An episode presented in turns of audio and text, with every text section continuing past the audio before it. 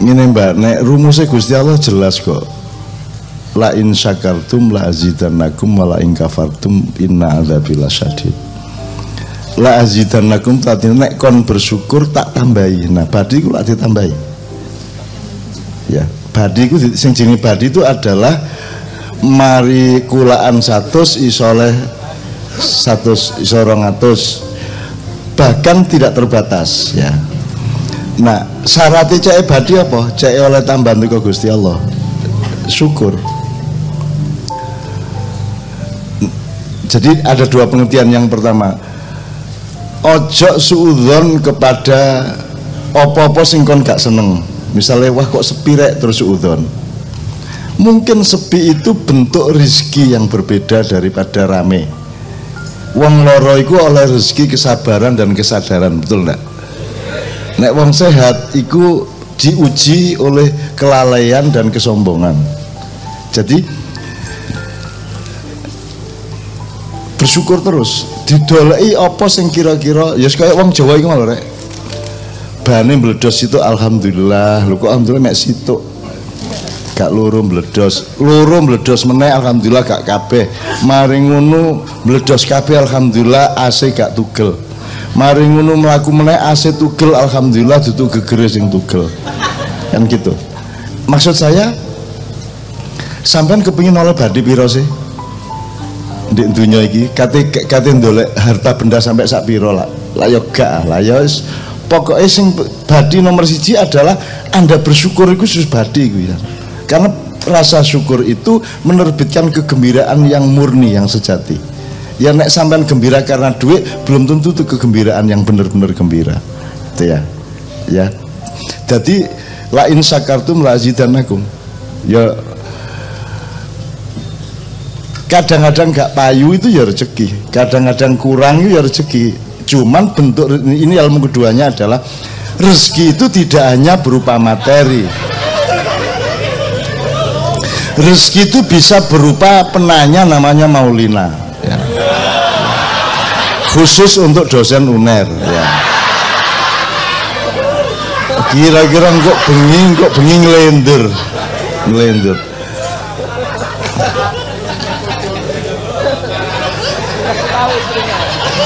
Oke, oke, oke, ya, oke, oke, oke. Eh, apa pun yang sampean alami, dole ono sing garai sampean syukuri. Nah, aku iki mbak, nang urip bahkan gak berharap apa-apa loh. Belas, gak. Upamane wis, apa wis? Negara, pemerintahan, aku gak berharap. Upama pemerintah iku pejabat korupsi kabeh ngono. Aku gak masalah. Aku dhewe lho ya. Angger ojo nemen-nemen akeh nek ngono lho enggak. Soal dosis. Aku ndelok wong Islam oh alah cik ngono kelakuan eh alah gak gak lho. aku dhewe gak gak mengharapkan wong terus alim khusyuk ya gak. Walah cik eling nek urip iku perlu sembahyang ngono tok wis alhamdulillah aku aku sangat rendah standar hidup saya. Gak berharap dukur-dukur nemen. Kon gorong sembahyang lho. Aku wis bersyukur tapi aruh nek ono nek di urip iki ono sing jenenge sembahyang roh kon ya. Nggih ngertos ya alhamdulillah kon roh lah. Wis matur nuwun aku. Kon nek gak duwe keris ah? Di omah. Lek gak duwe ya? Kebanyakan nek gak duwe ya? Tapi kan roh nek di urip iki ono keris. Nek keris iku pusaka pusaka iku penting. Roh kan ya? Wis kon roh iku tak seneng aku San. aku gak berharap akeh-akeh. Tidak berharap banyak-banyak upamane bojo wis upamane ya. Bojo sing mengabdi gak gak, gak ngabdi gak apa-apa. Sing pangerten gak gak masalah. Gak pengertian gak masalah. Wis pokoknya anggar gak muring-muring ngono wis alhamdulillah San. Jadi aku itu mah standar hidup saya itu rendah sekali. Aku duwe duit sak juta tak dolei syukure duwe duit mek satu tak dolei syukure nah makanya saya mau makian tuh sederhana re aku iki kepingin awakmu iku terlatih nang awakmu dewe ngelatih awakmu nek kate gembira, kate bersyukur, kate bahagia iki mbok jangan terlalu banyak tergantung sesuatu di luar dirimu. Upama negara kayak ngene iki terus Masa kon gak iso bersyukur, masa kon gak iso gembira. Kamu harus punya kemandirian dan kedaulatan untuk menciptakan kegembiraanmu sendiri. Ojo ada ngenteni kiwa tengenmu. Sekarang juga kudu bahagia. Gitu loh. Termasuk nek berumah tangga. Kon karepmu bojomu ngene ternyata gak ngene kon stres. Jadi sing salah iki duduk bojomu te karepmu iku mang. Sing salah harapanmu iku mang. Nek kon gak berharap lah gak. Nek kon nek kon ngene, mergo lagi kok kopi kok pahit mergo kon berharap lagi nek kon gak berharap lagi kopi pahit ya enak lo saya tergantung standar sampean apa. Nek aku iki standar kalah. Sangat rendah hidup saya itu. Sangat aku gak belas gak berharap apa-apa. Anggitmu kaya ngene iki ya ana wong sing kaya-kaya kagum karo aku ngefan karo aku favorit sampe engke kopi sak tas. Utamane ya. Terus aku nang dia foto. Konangan di WC foto. Di ganggang foto aku mang di rumah makan di ngarepe rumah sakit Alirsat iku aku mek metu metu dilu lho nang parkiran iki wong 8 san foto. Tapi saya tidak pernah menganggap itu milik saya. Upama gak foto aku ya gak masalah aku gak dikenal aku ya gak masalah aku kelangan makiyah ya gak masalah. Awakmu mari benci karo aku kabeh aku gak masalah. Wis angger kon iku jek eling sembayang uh nek Gusti Allah jeje sikape aja aku gak siap kok Gusti Allah ya. Nek Gusti Allah kan jelas ping 5 sembayang nek aku gak walah arek iku jek merasa bersalah kok gak sembahyang wis apik wis alhamdulillah wis. Alhamdulillah. Nek sampean tinggi rasa syukurnya sampean tidak akan mengeluh seperti itu. Ya. Nek sampean kepingin soge maka melarat menjadi masalah. Bayangmu kau tak kandani ya aku terus terang. Iki kiai kanjeng iki anggitmu penderitaan nek nek lunga-lunga ngene iki.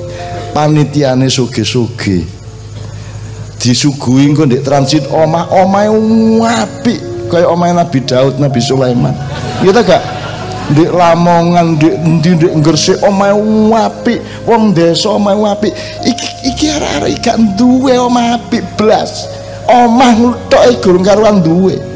Kiai kanjeng iki gitu loh. Aslinya sebagai manusia ya ana nolongsone disuguhi wong sugih oh alah iki loh grendele apa? Lawang lho iku wis gak iso mbayangno piro ya regane koyo ngono ana meneh sing klosete iku sing ngene-ngene iku. Sing tiga peper iku lho lungguh terus dipeper ngene iki duduk sing dodok ya. Itu duduk sing itu ya ana nolongsone arek-arek iki ana sing soge kiai kanjeng ini dan aku ya nolongso aku ya nangis dhewe janjane oh alah arek-arek sapa sing bareng karo aku mesti dadi asing. Gak ono wong wani ngekeki dhuwit gak ono wong wani nawani apa-apa gak ono wong wani nyponsori wedi karo aku kabeh. Gitu loh. Dan kita memang tidak boleh cari sponsor tidak boleh macam-macam. Gitu ya tapi teman-teman bahagia. Kapan-kapan yo teko nang kiai kanjeng tak jaluke ngeri tak no loro lopone mem memperjuangkan gerakan solawat kapan-kapan. Jadi Kiai Kanjeng itu sudah 20 hampir 24 tahun dan perjuangan ini abot teman teman jadi misalnya aku di Jakarta tak fax waktu itu guru SMS tak fax. Ayo Kiai Kanjeng tanggal ini bengi-bengi pentas di sini kampus ini kampung ini atau apa gitu. Wes teko. Langsung berangkat gak jelas bensinnya gak jelas gak pokoknya berangkat saron loro biola gitar keyboard. Jadi mek oh Bayu Bobit sapa meneh? Yoyo Joko Kamto Pak Nevi. Blodong Pak Iswong Pitu. Keruntelan sak kendaraan itu dan di kono gak jelas nasibnya. Honor ya gak jelas bahkan aku saiki eling iku biyen sing didodok apa ya muni apa nyanyi apa iku biyen? Wong kadang-kadang tahu ndek ngerobokan Mas. Jadi jam itu pentas di Semarang UIN terus malam jam 11 pentas di halaman Masjid Agung Padi. Terus jam telu esok di gerobokan itu kan satu rute. Kita sampai di gerobokan masa sekitar 20 ribu lebih itu cek ngenteni sampai jam telu. Tadi ketika jam telu itu kita datang sebagian orang sudah pulang tapi begitu ngerti ono cak nun teko cak nun teko balik meneh. Dan kini iki ngunggahno saron itu jam telu esok mas. Saron ditoto kabeli jam telu esok gak jelas honore jadi dan kiai kanjeng gak tahu menderita sini iki. Sampai nojo banding no kekayaan sampai karo kiai kanjeng karo aku. Aku gak duwe apa-apa kiai kanjeng gak duwe apa-apa itu gak duwe apa-apa. Wong saya meninggalkan sawah saya, saya meninggalkan cangkul saya. Aku iki termasuk penulis ranking satu tuh, Semua media massa kan suweneng kayak tulisan. Sampai saya jek jaluk terus. Upama aku gelem Jawa Pos ya seminggu pisan seminggu pindo dengan seneng mereka menerima. Tapi saya tinggalkan semua itu pada tahun 1998 hari kedua setelah Pak Harto turun karena saya tidak lagi percaya kepada media massa. Saya tidak percaya kepada TV nasional saya tidak percaya kepada ideologi dan prinsip-prinsipnya media. Tak tinggal kabeh gak mangan gak masalah. Aku melakukan gerakan sholawat rezekinya itu kondi loh sehingga Gusti Allah kok Gusti Allah ya tanggung jawab karo aku. Sampai saya ingin ngunu kok Mbak Novia gelem? Aku ya gumun dia kok gelem ya. Iku iku pencapaian Mbak Via gelem nih loh mau mau loh 80% waktunya itu untuk masyarakat. Tinggal 20% sama dia dijupuk anakku dari 20% dijupuk mungkin 15% dari kari 5% rabi capopo 5% kan gitu. Bener-bener teman sekalian aku gak nuntut dan aku tidak kecewa dan aku tidak merasa apa namanya gelo saya ingin makan terus tidak tercapai makan saya. Aku gak apa-apa. Rezeki saya adalah tidak makan. Menurut aku mbak? Rezekiku ya iku mang. Jadi rezekiku berupa macam-macam ono rezeki loro ono rezeki utang ono rezeki sedih. Asal anda mensikapinya dengan rasa syukur dan percaya kepada Allah Subhanahu Wa Taala maka semua itu rizki itu. Meskipun itu sebenarnya alat ya rasa syukur itu alat supaya akhirnya ya moncar temenan. Wes saya tak tak kayak contoh ini tak kayak contoh saya aku beberapa kali menceritakan. Orang tuh rata-rata tidak berani mengambil keputusan kalau usul-usulnya sudah sama yang disebut rezeki atau nafkah. Misalnya aku mudun suatu hari mudun bandara Solo tahu di Halim juga. Engkau supir taksi lah kenal aku kabeh terus royo anca sama saya cak sama saya cak sama saya. Aku ya apa caranya milih? Nek aku milih kon aku ngelarani kon. Nek aku milih iki aku mengecewakan yang lainnya. Ojo ojo aku dikon milih rek.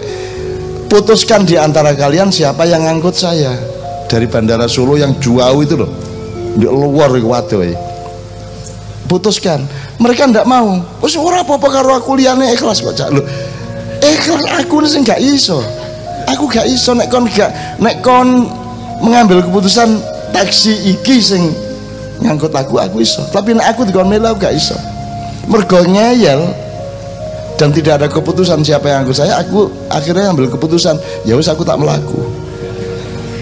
Melaku aku deh kon iso bayang no bandara Solo Adi Sumarno tutup Kertosuro itu nek melaku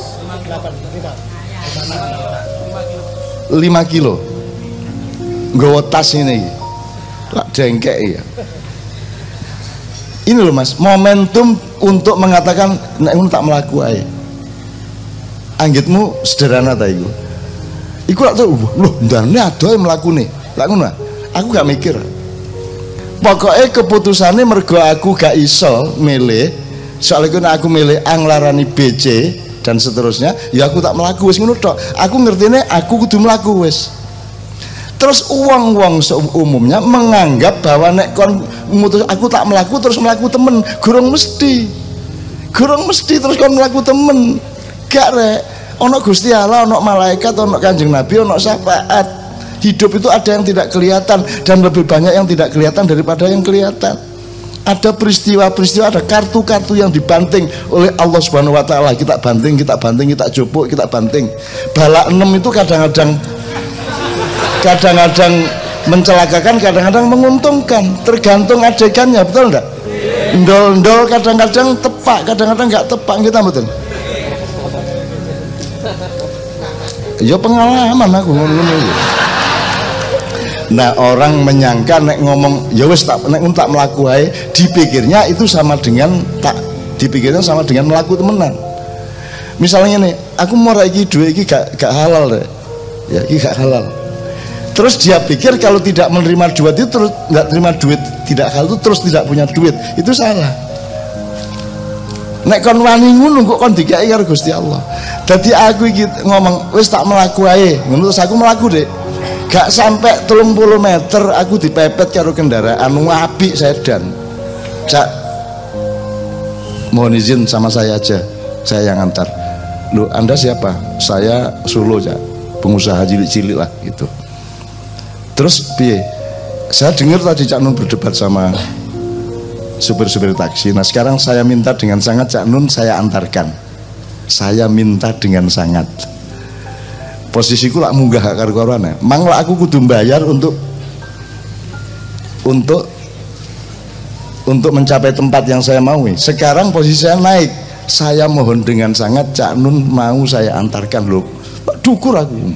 Dimohon untuk diantarkan. Tapi dengan satu syarat Cak.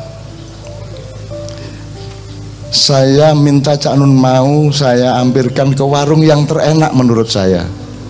Loh ya apa syaratnya ya apa? Nah itu tidak hanya terjadi pada taksi dan mobil dan warung Itu bisa terjadi pada adegan yang lebih besar. Kalau kamu menolak sesuatu yang Allah tidak sukai Maka Allah akan memberimu yang dia sukai Dan yang kau sukai berlipat-lipat ganda.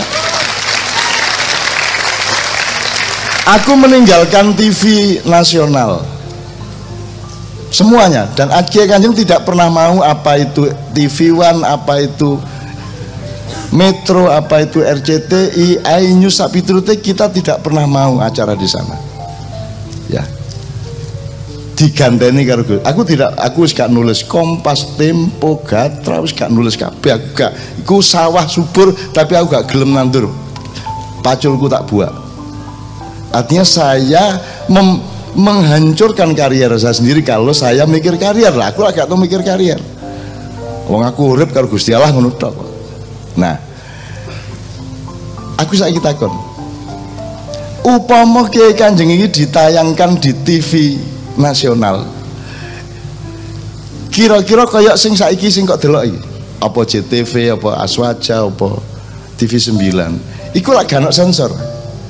Ya paling pas pas meso tit ngono ya tapi kan mereka menikmati, mereka mengedit sedemikian rupa dan mereka tidak pernah ngatur kita. Tapi kalau kita diminta oleh Metro TV dan sebenarnya mereka yang ngatur kita. Acara ini cak, sekarang gini cak, pakaian ini cak. Di fotonya ada di sebelah kanan, jangan sebelah kiri cak. Ngunu-ngunu kok kayak aturan. Di Makya, nono aturan. Gak ono aturan. Konsualan gak masalah. Bayangkan di TV kan kudu seragam kon iya tak gak terus terus mari ngono gawe anu gawe yel yel iya tak gak terus tanganmu ngene ngene ngene. As di sini kita tidak diatur dan orang yang tidak berani mengatur kita itu tidak marah sama kita di makyan karena apa? Karena kita membangun saling percaya satu sama lain. Mbak Maulina, waduh Jano aja suka cemburu. Salah satu contohnya itu ya prinsip dasar maknya itu adalah saya ini panggung rek gak oleh luwe dukur apa meneh kok koyok band-band kayak dangdut saya ini gak oleh gak oleh. Harus rendah dan harus langsung bisa ketemu dengan jamaah. Itu berarti apa yang dibangun? Yang dibangun adalah tanggung jawab dari yang di panggung. Kon yo tanggung jawab aku yo tanggung jawab. Nah aku ngomong elek didik saya dapat resiko dari anda. Ya tak? Dan resikonya tidak terhalangi. Nek kon pentas dukur kan kudu mencolot kon nek kate muring-muring. Apa meneh ana wesi nih biasa ya? Ini enggak. Saya jadi dengan seperti ini saya harus bertanggung jawab. Maka saya akan mencari yang terbaik untuk anda. Semua yang di panggung mencari yang terbaik untuk anda artinya awakmu kudu ngerti bahwa yang kamu lakukan itu benar atau salah baik atau buruk mudarat atau manfaat harus kamu tahu itu sendiri ya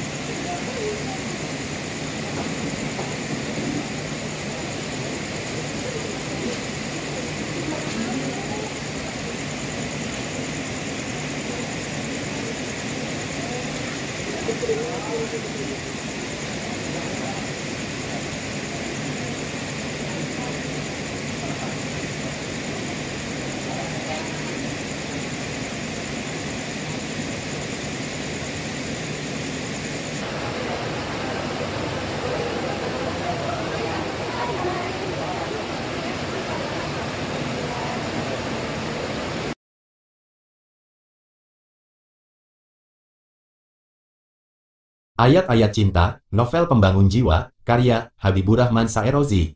Bagian 4. Air mata Noura, meskipun cuma terlelap satu jam setengah, itu sudah cukup untuk meremajakan seluruh saraf tubuhku. Setelah satu rumah salat subuh berjamaah di masjid, kami membaca Al-Quran bersama. Tadabur sebentar, bergantian. Teman-teman sangat melestarikan kegiatan rutian tiap pagi ini. Selama ada di rumah, membaca Al-Quran dan tadabur tetap berjalan, Meskipun pagi ini kulihat mata Saiful dan Rudi melek merem menahan kantuk. Usai tadabur Saiful, Rudi, dan Hamdi merebahkan diri di tempat tidur masing-masing. Di musim panas, karena malamnya pendek, tidur selepas subuh adalah hal biasa bagi kebanyakan mahasiswa Indonesia. Tidak putera, tidak puteri, semua sama. Wabil khusus para aktivis yang sering begadang sampai subuh.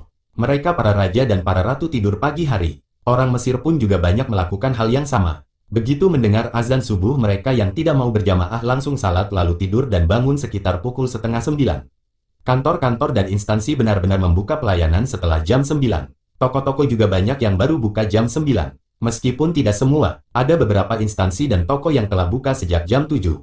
Yang paling disiplin buka pagi adalah warung penjual roti isi dan full, 53 mereka telah buka sejak pagi-pagi sekali. Kebiasaan tidur setelah salat subuh kurang baik ini sering disindir para imam. Dalam sebuah khutbah Jumat, imam muda kami, yaitu Syaikh Ahmad Taqiyuddin pernah mengatakan, seandainya Israel menggempur Mesir pada jam setengah tujuh pagi maka mereka tidak akan mendapatkan perlawanan apa-apa. Mereka akan sangat mudah sekali memasuki kota Kairo dan membunuh satu persatu penduduknya. Karena pada saat itu seluruh rakyat Mesir sedang terlelap dalam tidurnya dan baru akan benar-benar bangun pukul sembilan. Kata-kata itu mungkin tidak 100% benar, tapi cukup mewakili untuk menggambarkan kelengangan kota Kairo pada jam setengah tujuh di musim panas. Padahal pada saat yang sama, di Jakarta sedang sibuk-sibuknya orang berangkat kerja, dan kemacetan terjadi di mana-mana. Aku termasuk orang yang anti tidur langsung setelah salat subuh. Aku tidak mau berkah yang dijanjikan baginda Nabi di waktu pagi lewat begitu saja. Hal ini juga kutanamkan pada teman-teman satu rumah. Jadi seandainya semalam begadang dan mata sangat lelah, tetaplah diusahakan salat subuh berjamaah, membaca Al-Quran, dan sedikit tadabur. Semoga yang sedikit itu menjadi berkah. Barulah tidur. Jika bisa tahan dulu sampai waktu duha datang, salat duha baru tidur. Kunyalakan komputer untuk kembali menerjemah. Baru setengah halaman bel berbunyi. Ada tamu, ternyata Tuan Boutros dan Maria. Ku persilakan keduanya duduk. Fahri, maaf mengganggu. Ada yang perlu kita bicarakan, kata Tuan Boutros. Apa itu Tuan? Noura. Maria langsung menyahut, begini Fahri. Aku sudah berusaha keras, tapi Noura tidak mau menceritakan segalanya. Dia hanya bilang telah diusir oleh ayah dan kakaknya karena tidak bisa melakukan hal yang ia tidak bisa melakukannya. Hal yang ia tidak bisa melakukan itu maksudnya apa? Tanyaku. Ia tidak mau mengaku, hanya itu yang bisa kudapat. Kami sekeluarga hanya bisa membantu sampai di sini. Terus terang sebelum si Bahadur bangun, Noura harus sudah meninggalkan rumah kami, sahut Tuan Boutros. Bukannya kami tidak peduli, kau tentu tahu sifat si Bahadur itu. Di samping itu Noura memang ingin pergi untuk sementara. Ia kelihatan ketakutan dan cemas sekali. Ia tidak mau ayahnya tahu kalau ia ada di rumah kami, sambung Maria. Lantas apa yang harus kita lakukan? Tanyaku. Untuk itulah kami berdua kemari. Mau tidak mau, pagi ini Noura memang harus pergi. Untuk kebaikan dirinya, dan untuk kebaikan seluruh penghuni apartemen ini. Jika sampai ia masih ada di sini, ayahnya akan kembali membuat keributan. Noura akan jadi bulan-bulanan. Masalahnya, semua orang sudah bosan. Yang jadi pikiran kami adalah Noura harus pergi ke mana. Kami tidak tega dia pergi tanpa tujuan dan tanpa rasa aman, jelas Tuan Boutros. Anda benar Tuan Boutros. Dia harus pergi ke suatu tempat yang aman dan tinggal di sana beberapa waktu sampai keadaan membaik. Hem, apakah dia tidak punya sanak saudara? Paman, bibi, atau nenek misalnya? Di Kairo ini dia tidak memiliki siapa-siapa selain keluarga yang telah mengusirnya. Dia masih punya paman dan bibi, tapi sangat jauh di Mesir Selatan, dekat Aswan sana tepatnya di daerah Nak El Mamaria yang terletak beberapa puluh kilo di sebelah selatan Luxor. Bahadur dan istrinya yaitu Madame Syaima berasal dari sana. Tapi Noura tidak bisa ke sana. Katanya, seingatnya ia baru dua kali ke sana dan tidak tahu jalannya. Ia tidak bisa sendirian ke sana, jawab Maria. Teman sekolahnya, tanyaku, kami sudah memberikan saran itu padanya. Tapi Noura tidak mau. Ia ingin pergi ke tempat yang tidak akan ditemukan ayah dan kedua kakaknya sementara waktu. Seluruh rumah temannya telah diketahui ayahnya. Dia pernah diseret ayahnya saat tidur di rumah salah seorang temannya di Takanat Madi. Itu akan membuatnya malu pada setiap orang. Begitu katanya, aku mengerutkan kening. Bagaimana dengan saudara atau kenalan kalian? Pasti kalian punya saudara dan kenalan yang tidak akan terlacak oleh ayahnya Noura. Dan itu bisa membantu Noura, selorohku. Tuan Boutros dan Maria sedikit kaget mendengar usulku. Keduanya berpandangan. Fahri, mohon kau mengertilah posisi kami. Sungguh kami ingin menolong Noura, tapi menempatkan Noura di rumah kami, atau rumah saudara dan kenalan kami itu tidak mungkin kami lakukan. Karena ini akan menambah masalah, maksud Tuan Boutros, Fahri, sebetulnya bisa saja kami membawa Noura ke tempat saudara kami. Tapi kalau nanti sampai ketahuan Bahadur masalahnya akan runyam. Bahkan kalau ada orang tidak bertanggung jawab yang suka memancing ikan di air keruh masalahnya bisa berkembang tidak hanya antara kami dan Bahadur. Bisa lebih gawat dari itu. Kau kan tahu, kami sekeluarga ini penganut Kristen Koptik. Bahadur sekeluarga adalah Muslim. Seluruh sanak saudara dan kolega kami yang paling dekat adalah orang-orang Koptik. Jika Noura bersembunyi di rumah kami atau rumah saudara kami bisa mendatangkan masalah. Meskipun kami tidak melakukan apa-apa kecuali menyediakan tempat dia berlindung, kami nanti bisa dianggap merekayasa mengkristenkan Noura. Kami harus menjaga perasaan Noura sendiri dan perasaan semuanya. Kau tentu tahu Noura siswi Mahat Al-Azhar. Dia tentu akan merasa asing di rumah orang yang bukan satu keyakinan dengannya. Dia akan merasa canggung untuk salat, membaca Al-Quran dan lain sebagainya. Di rumah kami saja yang tetangganya, yang kenal baik dengannya, dia merasa canggung. Untuk salat dia merasa tidak enak. Tadi kami yang mempersilahkan dia untuk salat. Kami tidak ingin ini terjadi pada Noura. Apa pun alasannya, yang paling bijak adalah menempatkan Noura di tempat orang yang satu keyakinan dengannya. Yang bisa mengerti keadaannya. Terus terang untuk ini kami minta bantuanmu. Meskipun kamu bukan orang Mesir, tapi kamu tentu punya kenalan orang Mesir yang Muslim. Menurut kami semua orang Muslim itu baik kecuali si Bahadur itu, jelas Maria panjang lebar. Aku merenungkan penjelasan Maria, sungguh bijak dia, kata-kata adalah cerminan isi hati dan keadaan jiwa. Kata-kata Maria menyinarkan kebersihan jiwanya. Sebesar apa pun keikhlasan untuk menolong tapi masalah akidah, masalah keimanan dan keyakinan seseorang harus dijaga dan dihormati. Menolong seseorang tidak untuk menarik seseorang mengikuti pendapat, keyakinan atau jalan hidup yang kita anut. Menolong seseorang itu karena kita berkewajiban untuk menolong. Titik. Karena kita manusia, dan orang yang kita tolong juga manusia. Kita harus memanusiakan manusia tanpa menyentuh sedikit pun kemerdekaannya meyakini agama yang dianutnya. Tak lebih dan tak kurang. Ah, andaikan umat beragama sedewasa Maria dalam memanusiakan manusia, dunia ini tentu akan damai dan tidak ada rasa saling mencurigai. Diam-diam aku bersimpati pada sikap Maria. Aku lalu berpikir sejenak mencari jalan keluar. Sebenarnya aku bisa ke tempat Syekh Ahmad. Tapi masalahnya, waktu sangat mendesak. Noura harus segera pergi sebelum keluarganya bangun. Dan dia harus pergi sendiri, agar tidak ada yang disalahkan, atau terseret ke dalam pusaran masalahnya dengan keluarganya. Aku teringat sesuatu. Oh ya, aku ada ide, kataku. Apa itu? Tuan Boutros dan Maria menyahut bareng. Bagaimana kalau sementara waktu Noura tinggal di salah satu rumah mahasiswi Indonesia di Nasser City? Saya kira ini usul yang bagus. Mungkin mahasiswi Indonesia itu bisa mendekatinya dan Noura bisa menceritakan semua derita yang dialaminya. Setelah itu bisa dicarikan pemecahan bersama yang lebih baik. Sebab dia kelihatannya sudah benar-benar dimusuhi keluarganya. Noura berkata, bahkan ibunya sendiri yang dulu sering membelanya kini berbalik ikut memusuhinya. Kita tidak tahu apa yang terjadi pada Noura sebenarnya, ujar Maria. Baiklah aku akan menghubungi seorang mahasiswi Indonesia di Nasser City. Lebih cepat lebih baik, waktunya semakin sempit. Aku langsung bergegas mengambil gagang telepon dan memutar nomor rumah Nurul, Ketua Widah, Induk Organisasi Mahasiswi Indonesia di Mesir. Seorang temannya bernama Farah yang menerima, memberitahukan Nurul baru 10 menit tidur, sebab tadi malam ia bergadang di sekretariat Widah. Tolong, ini sangat mendesak, paksaku. Akhirnya beberapa menit kemudian Nurul berbicara, ada apa sih kak? Tumben nelpon kemari, aku lalu mengutarakan maksudku, meminta bantuannya, agar bisa menerima Noura bersembunyi di rumahnya beberapa hari. Mula-mula Nurul menolak, ia takut kena masalah. Di samping itu, tinggal bersama gadis Mesir belum tentu mengenakan. Aku jelaskan kondisi Noura. Akhirnya Nurul menyerah dan siap membantu. Begini saja Kak Fahri, si Noura suruh turun di depan Masjid Rabah. Aku dan Farah akan menjemputnya tepat pukul setengah sembilan. Baiklah, Hasil pembicaraanku dengan Nurul aku jelaskan pada Tuan Boutros dan Maria. Mereka tersenyum lega. Mereka mengajakku ke atas ke flat mereka untuk menjelaskan segalanya pada Noura. Di ruang tamu rumah Tuan Boutros, Noura menunduk dengan wajah sedih. Ada bekas biru lebam di pipinya yang putih. Matanya memerah karena terlalu banyak menangis. Aku meyakinkan, dia akan aman di tempat Nurul. Mereka semua mahasiswi Al-Azhar dari Indonesia yang halus perasaannya dan baik-baik semua. Noura mengucapkan terima kasih atas pertolongan dan meminta maaf karena merepotkan. Kujelaskan di mana dia akan dijemput Nurul dan Farah. Biar cepat, kau naik metro sampai Ramsis. Setelah itu naik El Tramco jurusan Hayul Ashir atau Hayu Sabe yang lewat Masjid Rabah. Turun di Masjid Rabah dan cari dua mahasiswi Indonesia. Kau tentu tahu, kan muka orang Indonesia. Nurul memakai kacamata jilbabnya panjang. Farah tidak pakai kacamata, dia suka jilbab kecil. Ditunggu setengah sembilan tepat. Ini nomor telepon rumahnya, kataku sambil menyerahkan selembar kertas bertuliskan nomor telepon dan selembar uang 20 pound.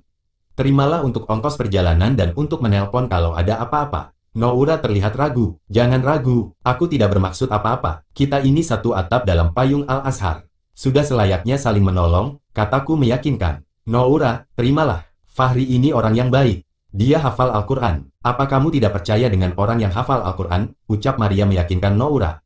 Akhirnya Noura mau menerima kertas dan uang 20 pound itu dengan mata berlinang. Bibirnya bergetar mengucapkan rasa terima kasih. Pagi itu juga Noura pergi ke Nasser City dengan langkah gontai. Saat menatap Maria ia mengucapkan rasa terima kasih dan berusaha tersenyum. Pukul 9 Nurul menelpon, Noura sudah berada di tempatnya. Dia minta saya datang, sebab ada seorang anggota rumahnya yang belum bisa menerima Noura tinggal di sana. Terpaksa saat itu juga aku meluncur ke Nasser City. Sampai di sana aku menjelaskan panjang lebar apa yang menimpa Noura. Aku jelaskan penderitaannya seperti yang telah berkali-kali aku lihat. Tentang ayahnya, ibunya dan kakak perempuannya yang tiada henti menyiksa fisik dan batinnya. Tentang betapa baiknya keluarga Maria dan betapa dewasanya mereka menyarankan agar Noura tinggal di rumah orang yang seiman dengannya agar lebih at home. Mendengar itu semua mereka menitikkan air mata dan siap menerima Noura. Dari Nasser City aku langsung ke kampus Al-Azhar di Maidan Hussein. Langsung ke Syun Tulab di Rasat Ulia. Mereka mengucapkan selamat atas kelulusanku.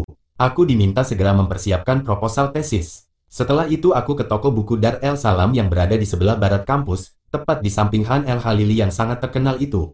Untuk melihat buku-buku terbaru Dar El Salam adalah tempat yang paling tepat dan nyaman. Buku terbaru Prof. Dr. M. Said Ramadan El Bouti menarik untuk dibaca. Kuambil satu, Keluar dari Dar El Salam matahari sudah sangat tinggi mendekati pusar langit. Udara sangat panas, Tak jauh dari Dar El Salam ada penjual tamar Hindi.